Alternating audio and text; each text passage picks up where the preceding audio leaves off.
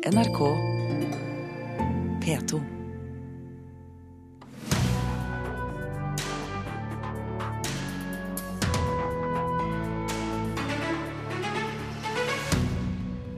Hemmelige og uoversiktlige avtaler gjør at artister og komponister ikke får det de har krav på for musikken sin når den spilles på strømmetjenestene. Det viser ny rapport. Atombomben over Hiroshima preget hele etterkrigskulturen. I dag er det 70 år siden bomben falt. Vi anmelder Dreads, en norsk film om musikk og hippiekultur. Og Munchs hus i Åsgårdstrand nyter godt av Munch- og van Gogh-utstillingen i Oslo. Velkommen til Kulturnytt, der vår kritiker også har plukket høydepunkter fra bokhøsten som kommer. Pengeflyten i musikkbransjen er eh, så uoversiktlig at artistene går glipp av opptil halvparten av inntektene de har krav på. Det er konklusjonen i en eh, studie av strømmemarkedet for musikk fra Berkeley-instituttet i Boston i USA. Flere tar nå til orde for en eh, fair trade-merking av musikk, akkurat som for rettferdig handel for sjokolade og kaffe og andre varer. En av dem som ønsker bedre oversikt over pengestrømmen, er en av dem som spiller her.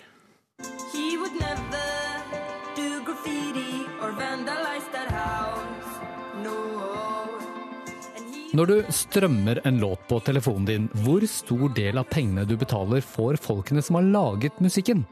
Dette er et spørsmål mange, ikke minst musikerne selv, har forsøkt å finne svaret på.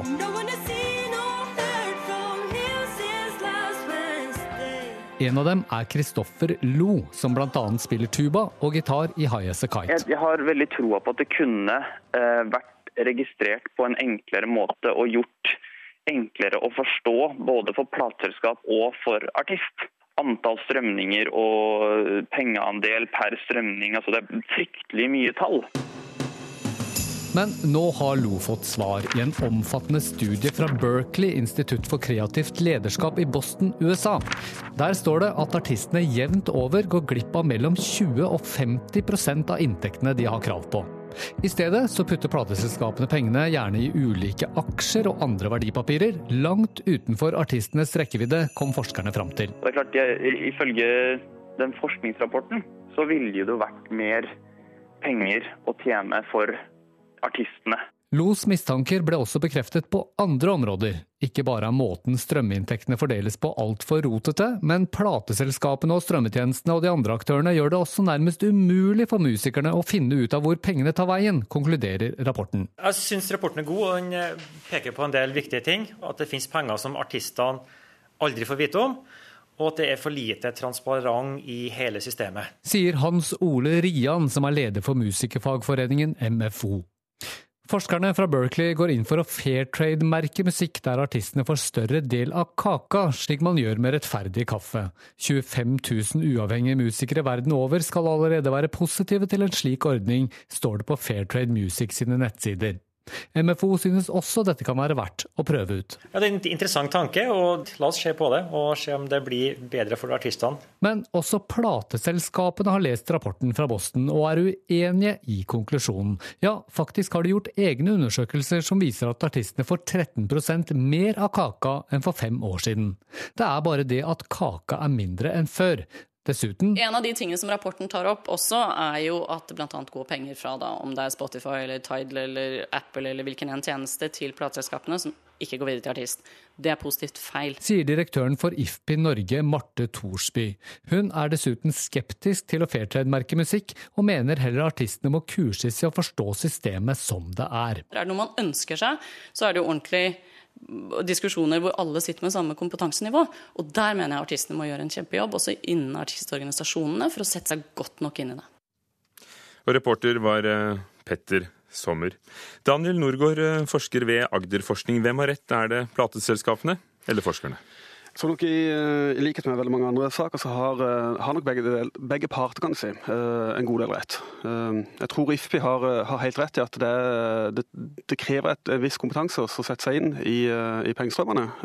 Og så tror jeg nok òg at Berkeley-rapporten har, har, veldig rett i at det er en mangel på transparens når det gjelder pengeflytene. Er forholdene i USA sammenlignbare med Norge? Delvis. Jeg, tror nok de, altså de forholdene som går på, på transparentheten, forholdene som er knytta til bedre utbetalinger til artister, så tror jeg det er helt, helt, helt det samme. Så er det noen forskjeller med det amerikanske markedet, som òg den rapporten er inne på. At det amerikanske markedet i større, i større grad skal tilpasses europeisk virksomhet, bl.a. når det gjelder utbetalinger til, til radio, fra radiospilling og den slags. Men når de da påstår at artistene går glipp av mellom 20 og 50% av inntektene de egentlig har eh, krav på, er det noe nytt? Er, det noe nytt i platebransjen med, med strømmetjenestene? Eh, du kan si Det som er sannsynlig er, nytt, er nok at det har blitt ytterligere komplekst. Eh, det har blitt flere transaksjoner. og sånn at Når du går fra én transaksjon, som var den tidligere modellen, hvor du kjøpte ei plate eller du kjøpte en, en singel eller noe sånt, og på den som rapporten beskriver, at du egentlig forskutterte et fremtidig bruk, så var det én transaksjon. Mens nå er det transaksjoner per, per lytting, sånn som det er med streaming. og Dermed så blir det også et mye mer komplekst bilde. da. Når folk snakker om en eh, rettferdig handelordning eh, merket med fair trade, som det finnes på enkelte matvarer f.eks., hvordan i all verden skulle det fungere? Ja, Det er jo et åpent spørsmål. og Fair trade-biten har jo egentlig vært oppe eh, i flere anledninger. Det er mange som har pekt på at, at det er noe som uh, selskap, enten det er plateselskaper eller uh, streamingselskaper eller, eller andre, uh, kunne vært tjent med. Men hvordan det skal organiseres, hvem som skal eie det og hva det skal bety i praksis, er jo et åpent, veldig åpent spørsmål. Og vil det bety noe for musikkelskere? Ja, det er jo det som, uh, som, er vanskelig å si. I mitt hus så, så, tenker jeg at det viktige det er jo at, uh, at, det er en bevissthet rundt det. At det er den type diskusjon som nå kommer i, i bakkant, i etterkant av den Berkeley-rapporten. For det viser jo eh, i hvert fall to ting. Det ene er at mest sannsynlig så er plateselskaper og streamingselskaper opptatt, eller de er obs på at publikum er opptatt av fair trade. At artister får penger som de betaler for musikk. Og Det kan jo forhåpentligvis da bli et konkurransefortrinn hos uh, strømselskaper eller, eller plateselskaper. Eh, så er det vel snakk om at alle skal få det de har krav på, for det er jo ganske fair også at plateselskapene får det de skal ha. Hva har disse funnene å si for eh, oss som hører på, på musikk? Jeg, jeg, tror For publikum og for lyttere så tror jeg alle sammen er tjent med at uh, modellene som ligger til grunn, de økonomiske modellene som ligger til grunn, er så bærekraftige som overhodet mulig. Sånn at det å, å, å lage seg en musikkarriere, uh, hvis du har et publikum, vel å merke, er, er, bærekraftig, og at, at, det går an å tjene penger på det og betale regningene dine basert på det. Hva det betyr sånn i, i praksis, er, er, jo mye mer vanskelig å, å si det kan veldig godt hende at det det egentlig betyr, det er at plateselskaper spesialiserer seg på, på, gode avtaler med sine artister, og at det er et konkurransefortrinn for å få de beste artistene. Eller det kan bety at strømselskaper øh, velger å gjøre et eller annet som viser at de òg er opptatt av transparenthet når det gjelder øh, ja, pengeflyten. Takk skal du ha. Daniel Norgård, forsker ved Agderforskning, som kommenterte denne rapporten fra USA, Berkeley-instituttet, som altså viser at ikke, artistene ikke får alt det de har krav på.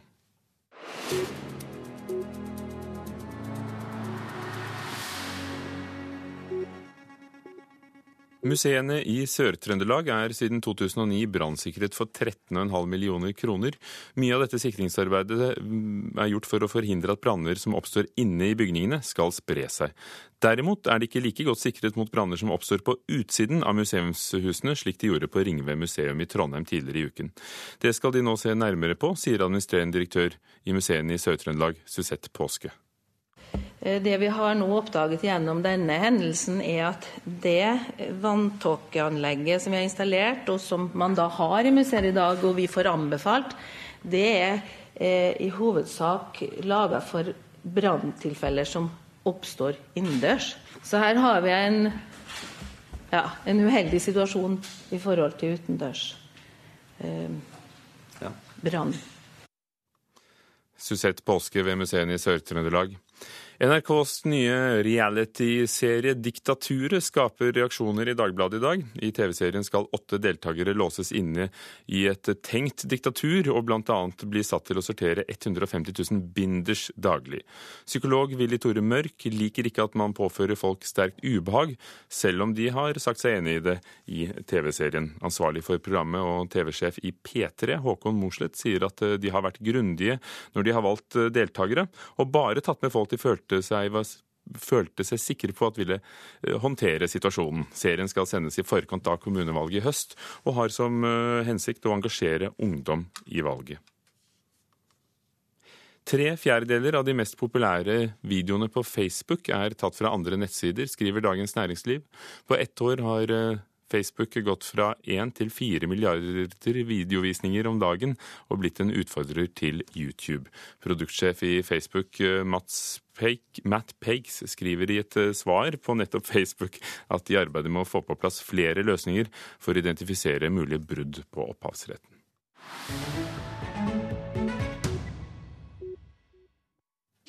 Kvart over åtte lokal tid i dag, fredsparken i Hiroshima.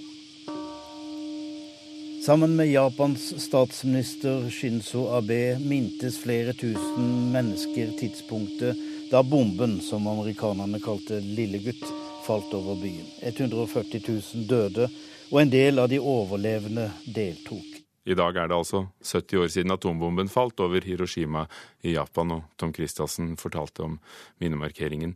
Agnes Moxnes, kulturkommentator her i NRK. Hvordan har kunsten behandlet det som skjedde i 1945? Ofte på en indirekte måte, fordi det var så sterkt det som skjedde den gangen. Men det er blitt behandlet selvfølgelig i musikk, både rock og klassisk musikk. Det er laget filmer som Akira Kurosawas 'Rhapsody in August'. Og selvfølgelig Hiroshima, min elskede, etter romanen som Marguerite Duras skrev.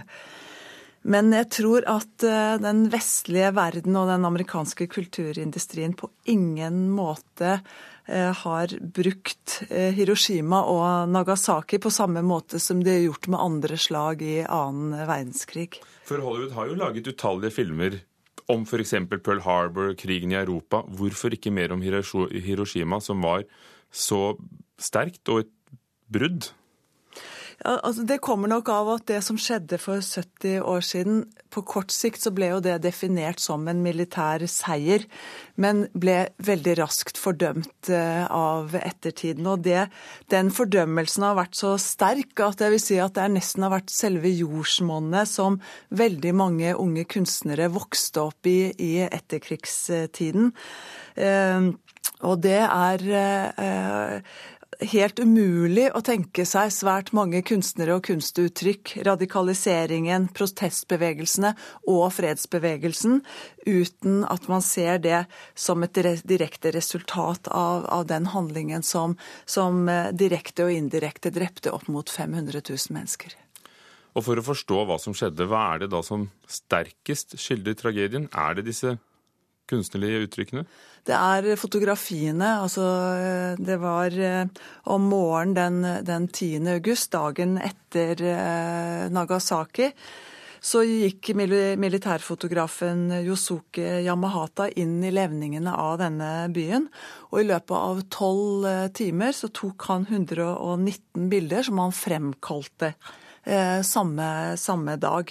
Og De bildene ble faktisk veldig raskt eh, forbudt av okkupasjonsmaktene, og særlig av amerikanerne. Og først på 90-tallet så ble de kjent under navnet Nagasaki Journey. Og vi så dem på Dagsrevyen i går, vi ser dem i aviser i dag. Og de er nok det, liksom det, det sterkeste bildet på det som skjedde den gangen. Så, og, og som, så, hvis man ser på de bildene som kommer fra Japan i dag, da, så vil man, og, og dagens eh, minneseremoni, som jo allerede er, er holdt, så vil man se silhuetten av det som er blitt hetende atombombedomen.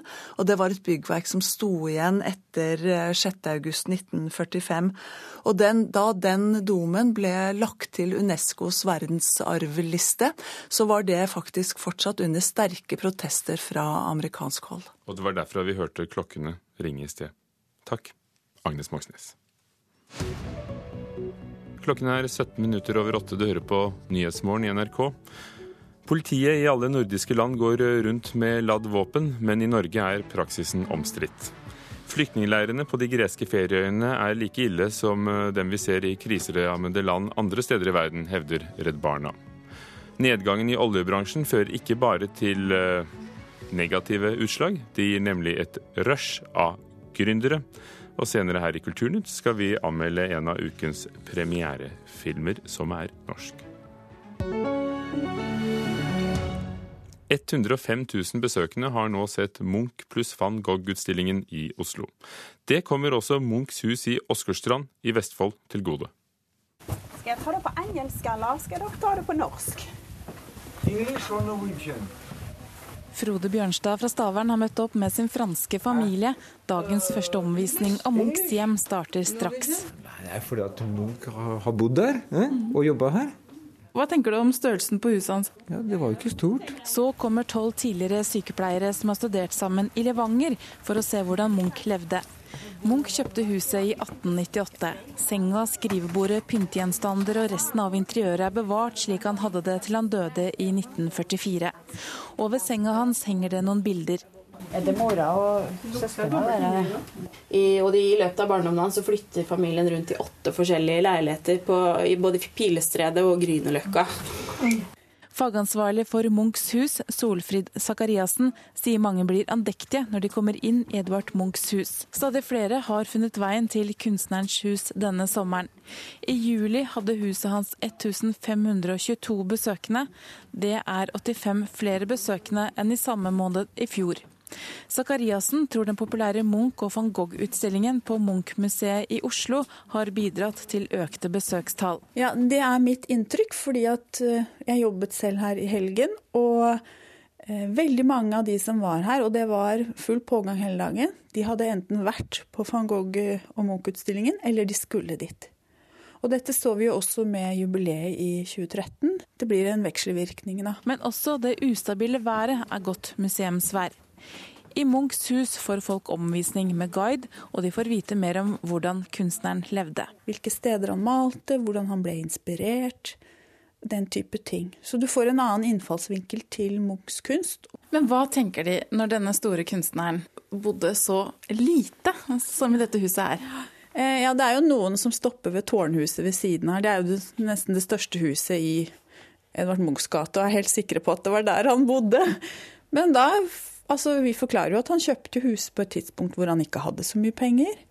Men også senere, selv om husene han kjøper er mye større, så er de veldig enkelt spartansk innredet. Han var ikke opptatt av uh, materielle ting. Det var uh, kunsten som var det viktige. Munch Sven Gjerløf beskriver jo dette huset her som Munchs Versailles. Og da humrer gjerne de besøkende når jeg sier det, men det handler ikke om størrelse og gods og gull. Det handler om den tilhørigheten og lykkefølelsen som du får av å eie et sted. Og som Edvard Munch altså fikk i Åsgårdstrand, der vår reporter var Hege Therese Holtung.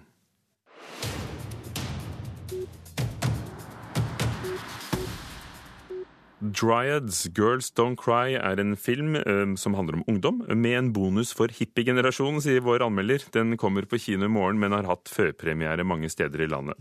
Den er skrevet og regissert av debutanten Sten Hellevig, som er 40 år gammel og har lang og god erfaring med både kamera og reklame. I sin første spillefilm viser han eh, talent for både bilder, musikk, dramaturgi og stemning, sier Einar Gullvåg Staalesen.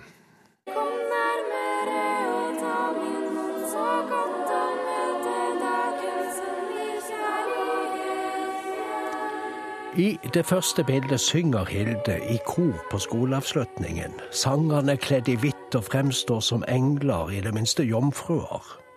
Filmen heter Dryads, som jentebandet som er portrettert i filmen. Bandet eksisterte i Kristiansand for 20 år siden. Navnet Dryads kommer fra gresk mytologi. Dryadene, de tre nymfene, er en mulig oversettelse.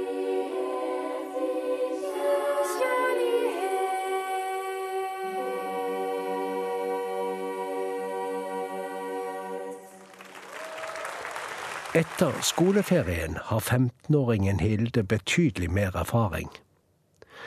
Det er sommeren filmen handler om.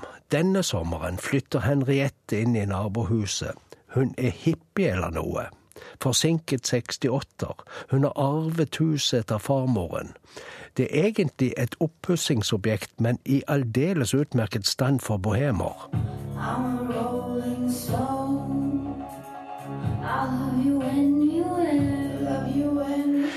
Det er ikke akkurat kollektiv i nabohuset, men nesten. Livene som leves, lener seg mot 70-tallets skaut- og hasjduftkultur, friere sexliv og kanskje blomsterromantikk. For voksne seere er halve filmen nostalgi. Samtidig er det en helt ny film om tasting og chatting, og om å bruke mobiltelefon og nettbrett som proteser, nærmest, formidlet med mobiltelefonens grafikk og lyddesign. Det er ganske lekkert. De glupe stilistiske innfallene brukes ikke overdrevent, men akkurat passe. På det planet er regien imponerende. Men vi må justere oss mot, eller til, samrørende av epoker og tidsånd, og vi må takle logisk surr for å kunne være med. Det kan være en tanke med filmen å koble digitalt liv med tilbake til naturen-filosofi og antiautoritær romantikk. Jeg vet ikke hva den debuterende regissøren Sten Hellevik har tenkt. Han har i hvert fall tenkt artige tanker. Lykken er et band og lykken er størst hvis musikkvideoen deres blir delt på nett, lagt ut av en ukjent.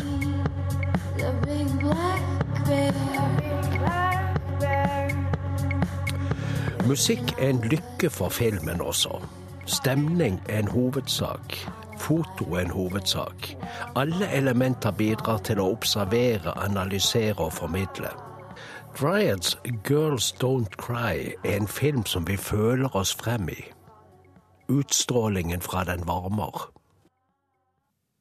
Einar Gullvåg Staalesen om Dryads, en av ukens premierefilmer. Denne uken får vi NRKs kritikere til å se hva vi har i vente når høsten kommer. I dag litteraturkritiker Knut Hoem. For eh, vår del er det fortsatt sommer, men når det gjelder bøker, er det allerede bokhøst, Knut? Ja, den virker som den kommer tidligere enn noensinne. Nå har jo forlagsansatte mange nye kanaler å lekke nyhetene i, og det var jo på Twitter jeg f.eks. fikk med meg at Erlend Loe kommer med en ny bok som heter 'Slutten på verden slik vi kjenner den'. Og Det kan også virke som om forfatterne er litt opptatt av verden for tiden, for det er Kjetil Bjørnstad sin roman den heter 'Verden som var min', f.eks.